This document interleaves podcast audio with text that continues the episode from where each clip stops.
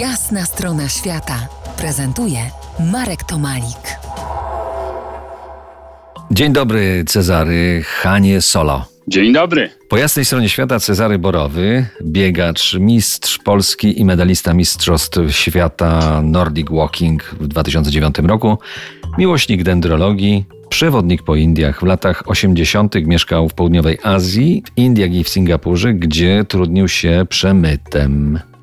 Autor porywającej książki Spowiedź Hanna Solo Byłem przemytnikiem w Indiach. Książka została obsypana nagrodami, a płynąca z niej opowieść gościła po jasnej stronie świata.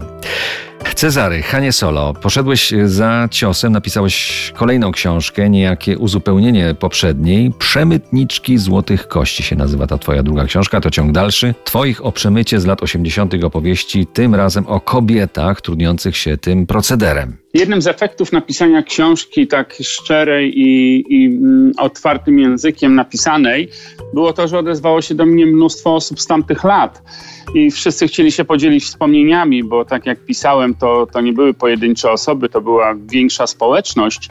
Słuchając tych opowieści, tak myślałem, że no trochę szkoda by było, gdyby to wszystko przepadło. Bo ktoś skomentował moją pierwszą książkę, że jest taka chłopacka. No i tak sobie myślę, no kurczę, jaka ona miała być, skoro jestem byłem facetem. I postanowiłem e, dać tym razem głos e, dziewczynom, które no, przemycały złoto do Indii w tamtych latach. No.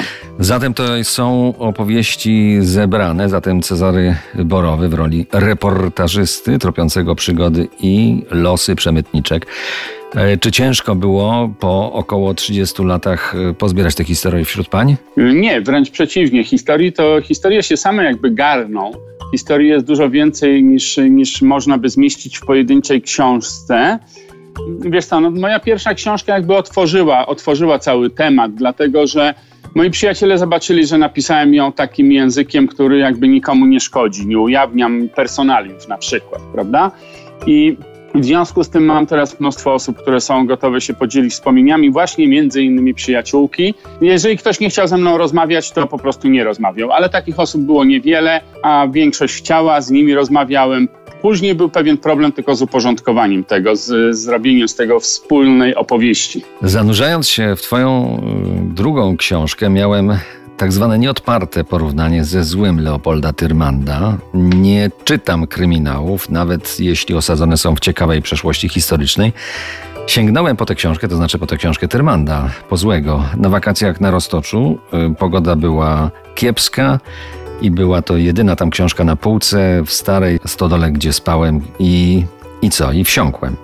I tu jest podobnie z Twoją książką. Piszesz z pasją i tak fajnym językiem, że się czyta na jednym oddechu. E, połyka się jak dobrze schłodzony ulubiony napój w czasie upału. Tym bardziej, że dałem się przekonać, że nie zmyślasz, tylko przytaczasz historie z życia wzięte. Do książki o polskich przemytniczkach i płynących z nich opowieści wrócimy za kilkanaście minut. Zostańcie z nami. To jest jasna strona świata w RMS Classic.